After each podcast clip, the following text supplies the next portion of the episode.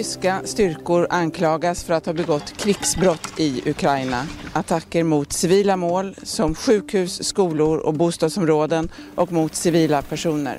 Dagens Nyheters Sanna Thorén Björling framför ett sönderbombat höghus i Borodjanka, Ukraina. Anklagelserna om ryska styrkors krigsbrott blir allt allvarligare. Omfattande insamling av bevis pågår med målet att fälla de skyldiga i domstol. I dagens Studio DN om den långa processen för att utreda och döma skyldiga för krigsbrott. Jag heter Ylke Holago. Och nu har jag med mig min programledarkollega här i Studio DN, Sanna Thorén Björling. Hej! Hej! Du har ju saknats i podden här den senaste tiden och det beror på att du och fotograf Lotta Herdelin precis har varit i Ukraina där ni har rapporterat för Dagens Nyheter och det var det vi hörde ett klipp av här i början. Men nu är du hemma och du har ju skrivit ett långt reportage om krigsbrott, en fråga som är i fokus just nu. Och ni har ju bland annat följt hur arbetet med insamling av bevis går till i Ukraina. Till att börja med, vad definieras som krigsbrott? Ja, det där är ju en folkrättslig fråga eh, som regleras av flera konventioner och eh, ett internationellt re regelverk eh, och också mycket sedvanerätt faktiskt. Men viktiga dokument här är ju Genèvekonventionerna som har undertecknats av ett par hundra länder. Och det finns eh, fyra sådana konventioner med flera tillägg eftersom det här också är sånt som förändras hela tiden. Men det handlar till exempel om hur sårade soldater ska behandlas, hur krigsfångar ska behandlas, hur civila eh, ska skyddas i krig. Det finns ju också regler för vilka vapen man får använda eller snarare inte använda, kemiska, biologiska vapen till exempel. Eh, sen hur man, ser till, eh, hur man ska se till att det här efterlevs, det är ju en annan fråga. Eh, det finns ju inga krig idag där krigsbrott inte begås. Eh, och hur man då ska, ska lagföra eh, de skyldiga för det här, det är ju ganska snårigt. Det finns ju både nationella domstolar i olika länder och sen finns det eh, internationellt, ett internationellt eh, system där internationella brottmålsdomstolen har funnits under de senaste 20 åren. Och de eh, har då jurisdiktion, alltså möjlighet att eh, eh, lagföra eh, när det handlar om folkmord, brott mot mänskligheten, ett brott som kallas för aggression, alltså när ett land ger sig på ett annat land, och så krigsbrott. Internationella brottmålsdomstolen kan bara eh, åtala individer, inte stater till exempel. Så det är ett ganska stort och ganska överlappande, lite snårigt eh, regelverk. Men det har ju fungerat ibland. Och vilka kan inte åtalas? Ja, eh, alltså i stater som är arga på varandra, de får ju ägna sig åt det i en annan domstol, internationella domstolen. Eh, och sen finns det ju ofta, eh, är ju de personer som sitter vid makten har ju ofta immunitet och kan inte åtalas. Eh, det vill säga presidenter och regeringschefer. Men det gäller inte alla brott. Så om man tar som exempel då eh, Rysslands president Putin, han eh, skulle ändå kunna åtalas för, trots att han har pres, eh, eh är president, för eh, de allra grövsta brotten. Sen är det en annan sak att Ryssland är ett av de länder som inte har skrivit under eh, Romstadgan som eh, internationella brottmålsdomstolen bygger på. Så det finns ju ingenting som tyder på att Ryssland skulle lämna ut Putin till en rättegång. Han måste ju dit. Det här reportaget som du har skrivit eh, om arbetet med att kartlägga och samla in bevis för krigsbrott i Ukraina. Hur, hur har ni arbetat med det? Hur gjorde ni reportaget? Eh, ja, men, alltså, vi hade ganska tidigt en idé och jag har länge velat göra det här alltså, som handlar lite mer om att det pratades ju om krigsbrott väldigt tidigt och jag tycker det är spännande att, att se vad, jaha, vad betyder det här då? Hur gör man? Eh, och vi har vi reste till Ukraina och hade det där som en lite grann en röd tråd genom hela resan. Jag var borta i två veckor. Eh, och vi har intervjuat, dels har vi intervjuat många människor som ju själva har sett och varit med om, om saker som eh, ibland kan klassas som krigsbrott. Eh, och vi har ju också intervjuat eh, experter på olika nivåer, både eh, inom FN, och vi har intervjuat någon åklagare, vi har intervjuat eh, olika frivilliga organisationer. Ehm, och, som arbetar med olika typer av insamling av bevis eh, och försökt skapa oss en bild av hur det här verkligen går till på, på marken. Och Vad beskrev de vanliga civila ni träffade om det som kan klassas som krigsbrott? Jag tror att det är många av de här civila personerna, alltså flyktingar, internflyktingar handlar det ofta om, ukrainare som, som har lämnat eh, sina hem. Eh, jag tror att det är många av dem som inte själva eh, är klara över liksom krigsbrottslagstiftningen och det, och det regelverket, men det de berättar är ju ofta eh, det kan ju vara, de berättar sina egna historier och en del av det eh, kan nog absolut klassas som krigsbrott, nämligen alltså att de är ju civila som har eh, angripits eh, på ett sätt som verkar vara... Ryssland nekar ju till allting, det ska man ju ha klart för sig. Men det verkar som att man har angripit civila mål och civila personer på ett antingen med likgiltighet, att man alltså inte bryr sig om att de kommer i vägen, eller att de faktiskt har varit måltavlor också. Och det gäller ju även eh, civila alltså fastigheter. Det kan ju vara bostadsområden just, eller sjukhus, eller skolor eller kyrkor och, och den typen av, av byggnader. Eh, och sen det, berättar de ju också, man hör liksom brottstycken och sånt som återkommer hela tiden, där det handlar om hur man sorterar ut folk och hur man eh, Eh, eh folk som försvinner. Det finns ju en del uppgifter om att eh, det pågår deportationer och det finns många kidnappningar och så. Men vad har fastnat hos dig? Vad minns du tydligast av de intervjuer du har gjort?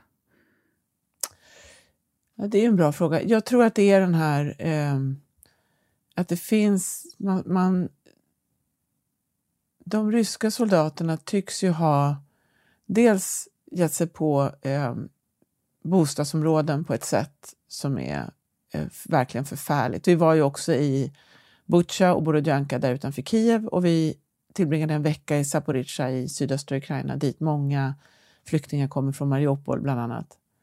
Och de beskriver ju ett fullständigt raserat, eh, raserade städer, raserade områden där det har varit bomber och, och angrepp hela tiden de flesta flyktingar vi träffade som har, hade kommit ut där, men också de i Butja, de hade suttit i källare i flera veckor. Ofta utan mat och väldigt dåligt med vatten. Eh, var kallt. För I Mariupol var det många som beskrev hur de gick ut och smälte snö. Och så där. Alla tyckte det var jättebra när det snöade, för då kunde man gå ut och snö, smälta snö. Eh, för att dricka då? För att dricka, för att tvätta sig, för att diska, för allting. Um, de beskriver ju också eh, att de har sett döda människor som bara ligger eh, på gatorna där det, som det, där det blir för farligt att gå ut och eh, ta bort de döda. I Butja så ehm, skapade ju invånarna själva en massgrav för att lägga ner folk i ehm, och som man nu då håller på och gräver upp för att identifiera de här personerna.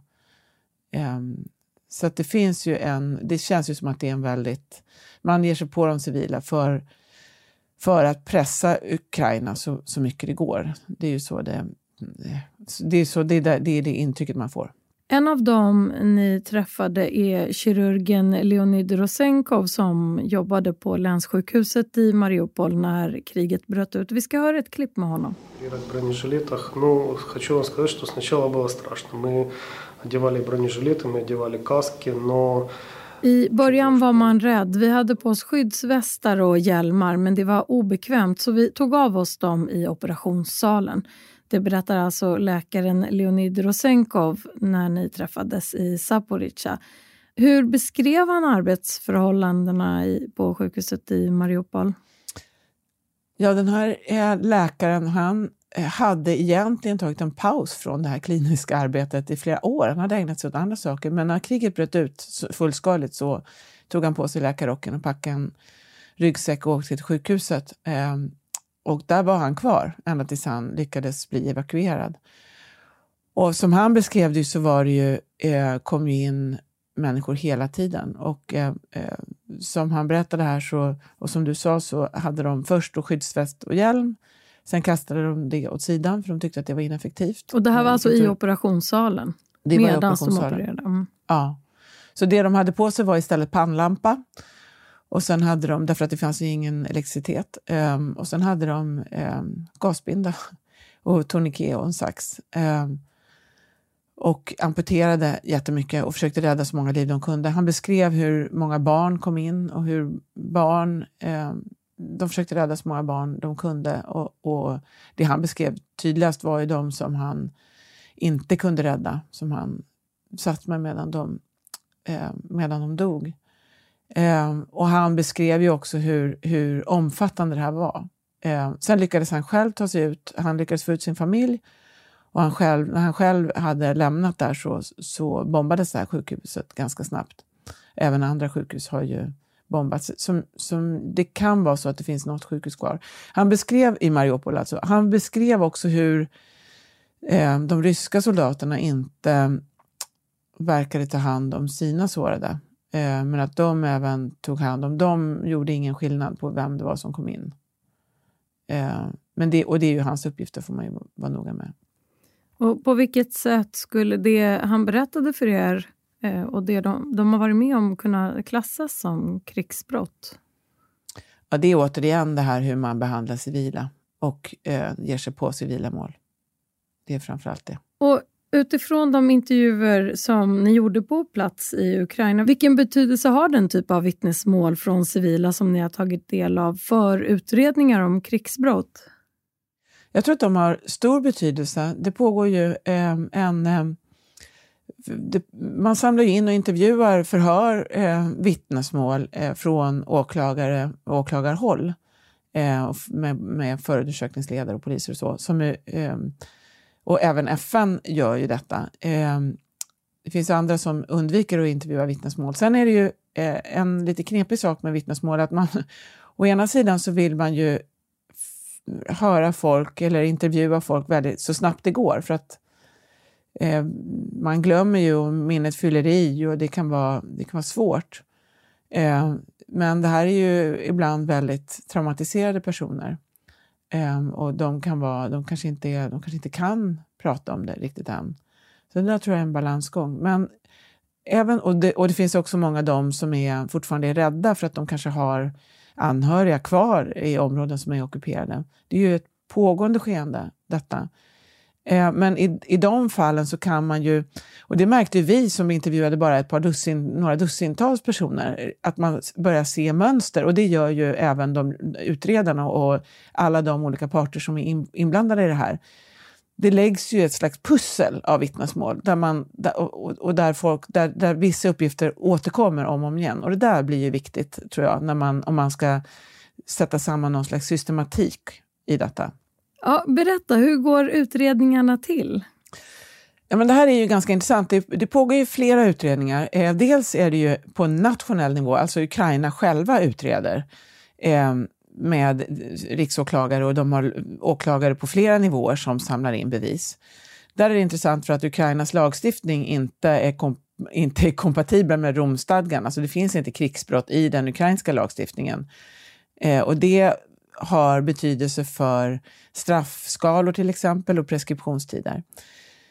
Men sen finns ju även eh, ICC, alltså den här internationella brottmålsdomstolen. De har eh, åklagare. Där får de också bidrag och hjälp från andra länder. Sverige bidrar också där, har erbjudit kompetens. Eh, och de har, tar ju in då och, och ut och, och, samlar in bevis och bland annat med intervjuer och, och med vittnen.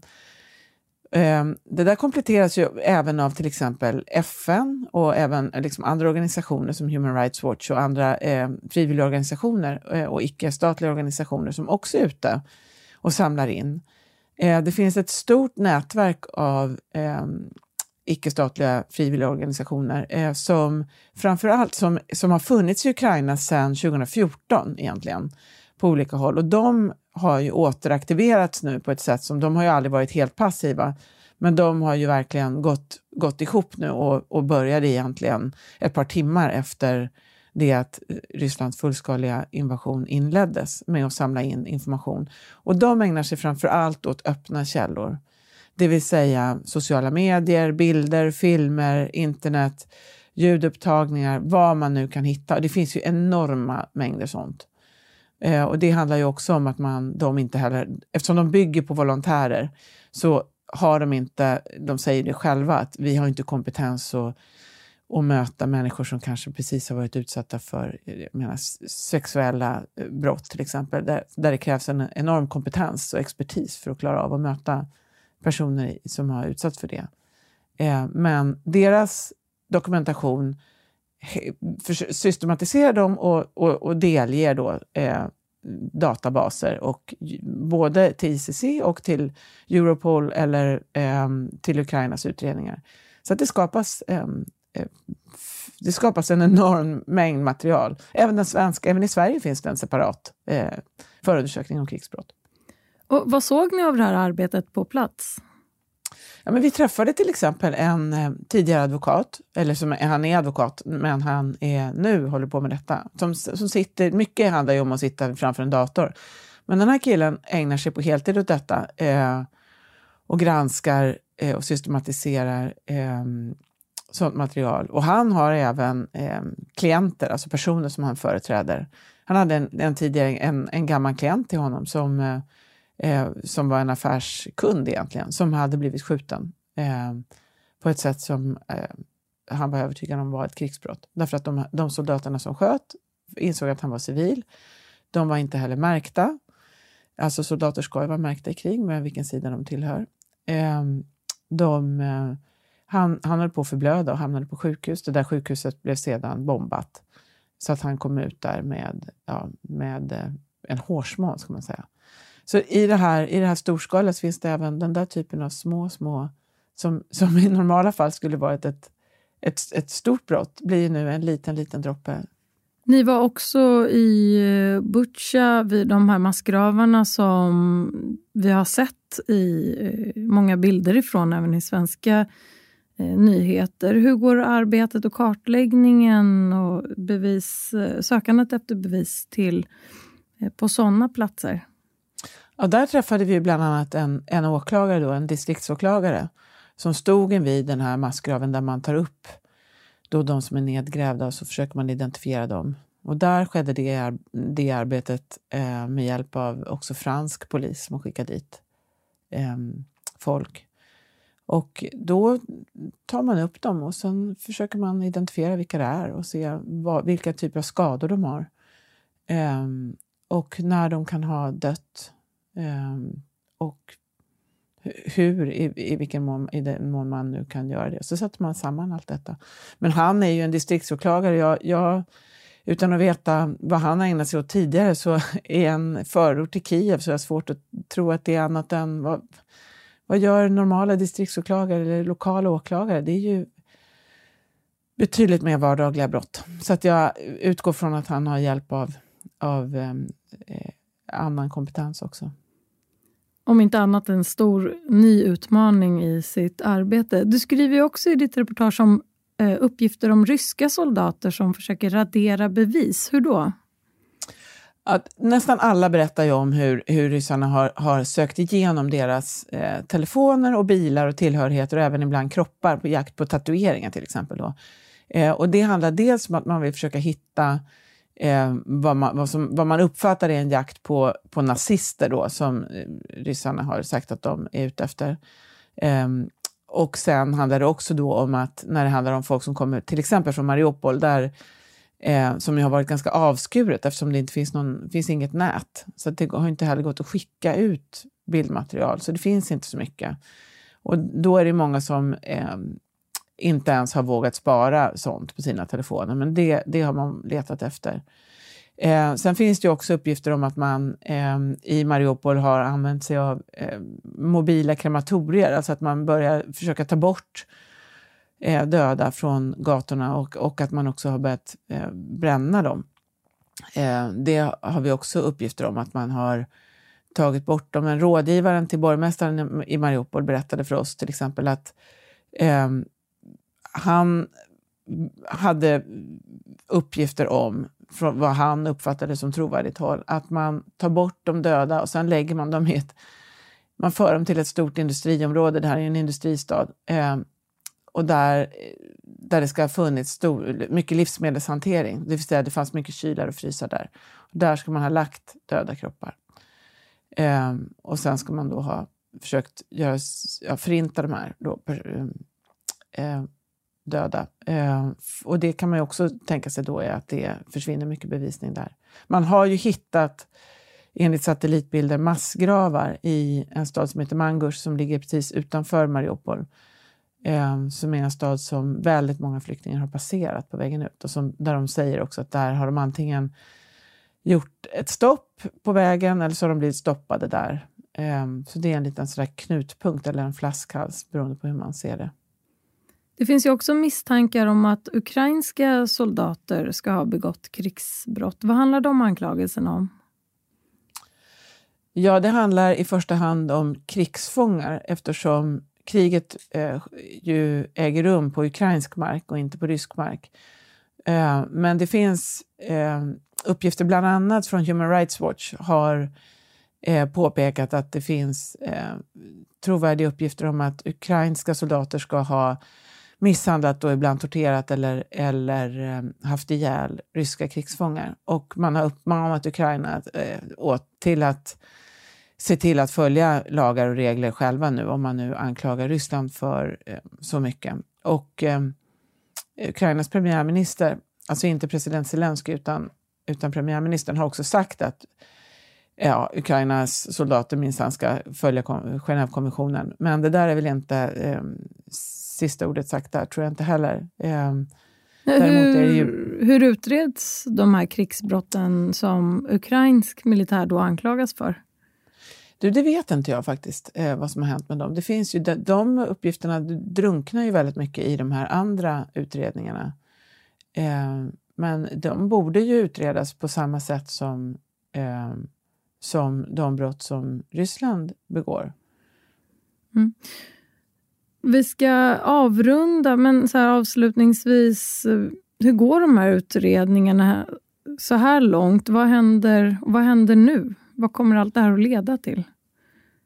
Det är flera eh, som påpekar att det, det här kommer att ta många år.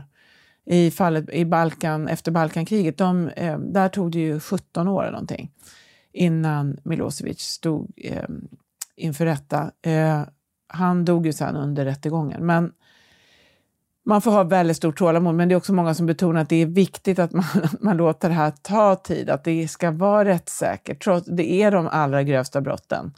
Eh, och att man inte ska eh, sänka nivån eh, där, för att man är otålig. Eh, utan att det är väldigt viktigt att det här får ta tid. Sen beror det ju lite grann på vad man... Det finns ju nu en mycket större bevisning än vad det fanns för 20 år sedan just på grund av de här öppna källorna. Eh, och sen vad det leder till, om det blir så att Putin kan åtalas, det får vi väl se. I flera andra fall så har man ju börjat nerifrån i hierarkin. Att man tittar på, det, så gjorde man ju e, efter Balkankrigen till exempel och även i Rwanda. Tror jag. Man, man började med de lägre befälen och sen så benade man sig uppåt i hierarkin. Och det återstår väl att se hur, vad som händer här. Det är som sagt, det pågår ju fortfarande. Vi vet inte. Ja, vi lär ju fortsätta att eh, bevaka den här frågan. Men så här långt, tack så jättemycket Sanna Thorén Björling. Du är min programledarkollega här på Studio DN och även reporter på Dagens Nyheter. Tack!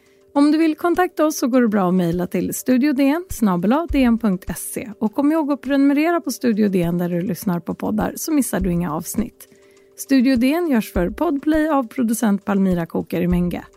Ljudtekniker Patrik Miesenberger, teknik Oliver Bergman på Bauer Media och jag heter Ylke Holago.